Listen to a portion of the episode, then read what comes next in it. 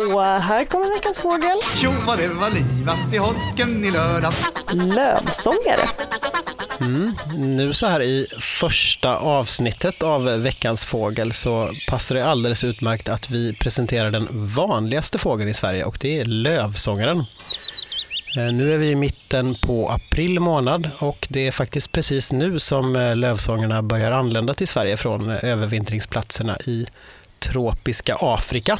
Eh, och lövsångaren är som namnet antyder en fågel som trivs där det finns löv. Eh, och i Sverige så finns det faktiskt utbredd i princip i alla miljöer där det finns träd och buskar. Så att eh, hela Sverige från från längst i söder till allra längst i norr så, så finns lövsångaren spridd.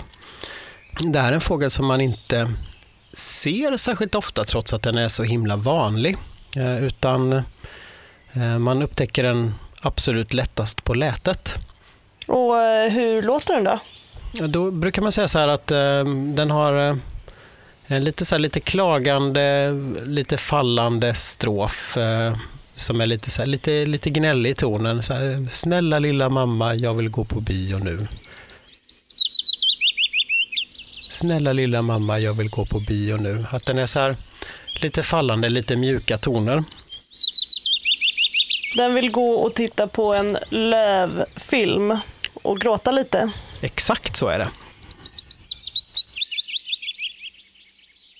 Och anledningen till att man inte ser lövsångaren så ofta då, trots att den är så, så vanlig, det, det är att den ofta håller till uppe i trädkronor och liknande där den, där den hoppar runt och den har inte ett lite så här oansenligt utseende. Den är lite ljus under och sen är den lite grönaktig på ovansidan och, och ganska liten och rör sig ofta snabbt högt upp i buskar. Så den är inte en sån här fågel som hoppar fram till en särskilt ofta eller man ser den på marken eller så, utan uppe i träden. Så att man ska lyssna efter lätet och framförallt tidigt på säsongen då innan löven har slagit ut så hör man sången och tittar upp så har man en god chans att få syn på lövsångaren också.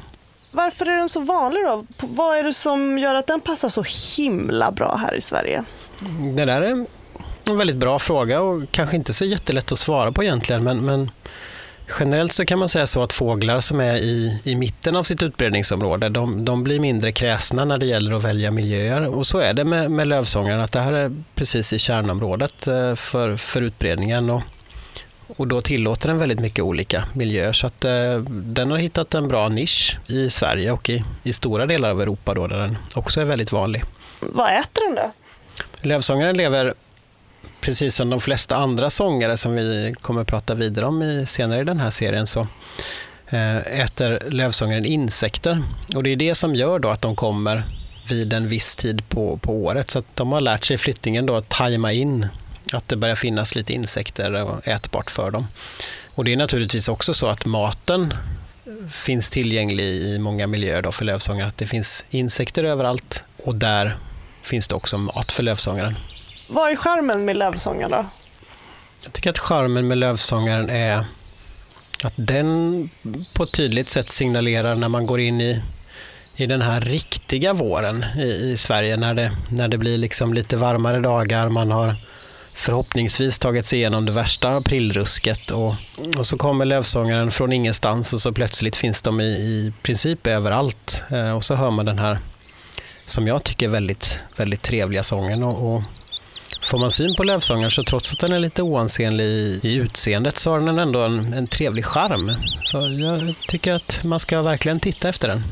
Så hör man en ledsen fågel som vill gå på bio så vet man att nu är våren här. Precis så är det.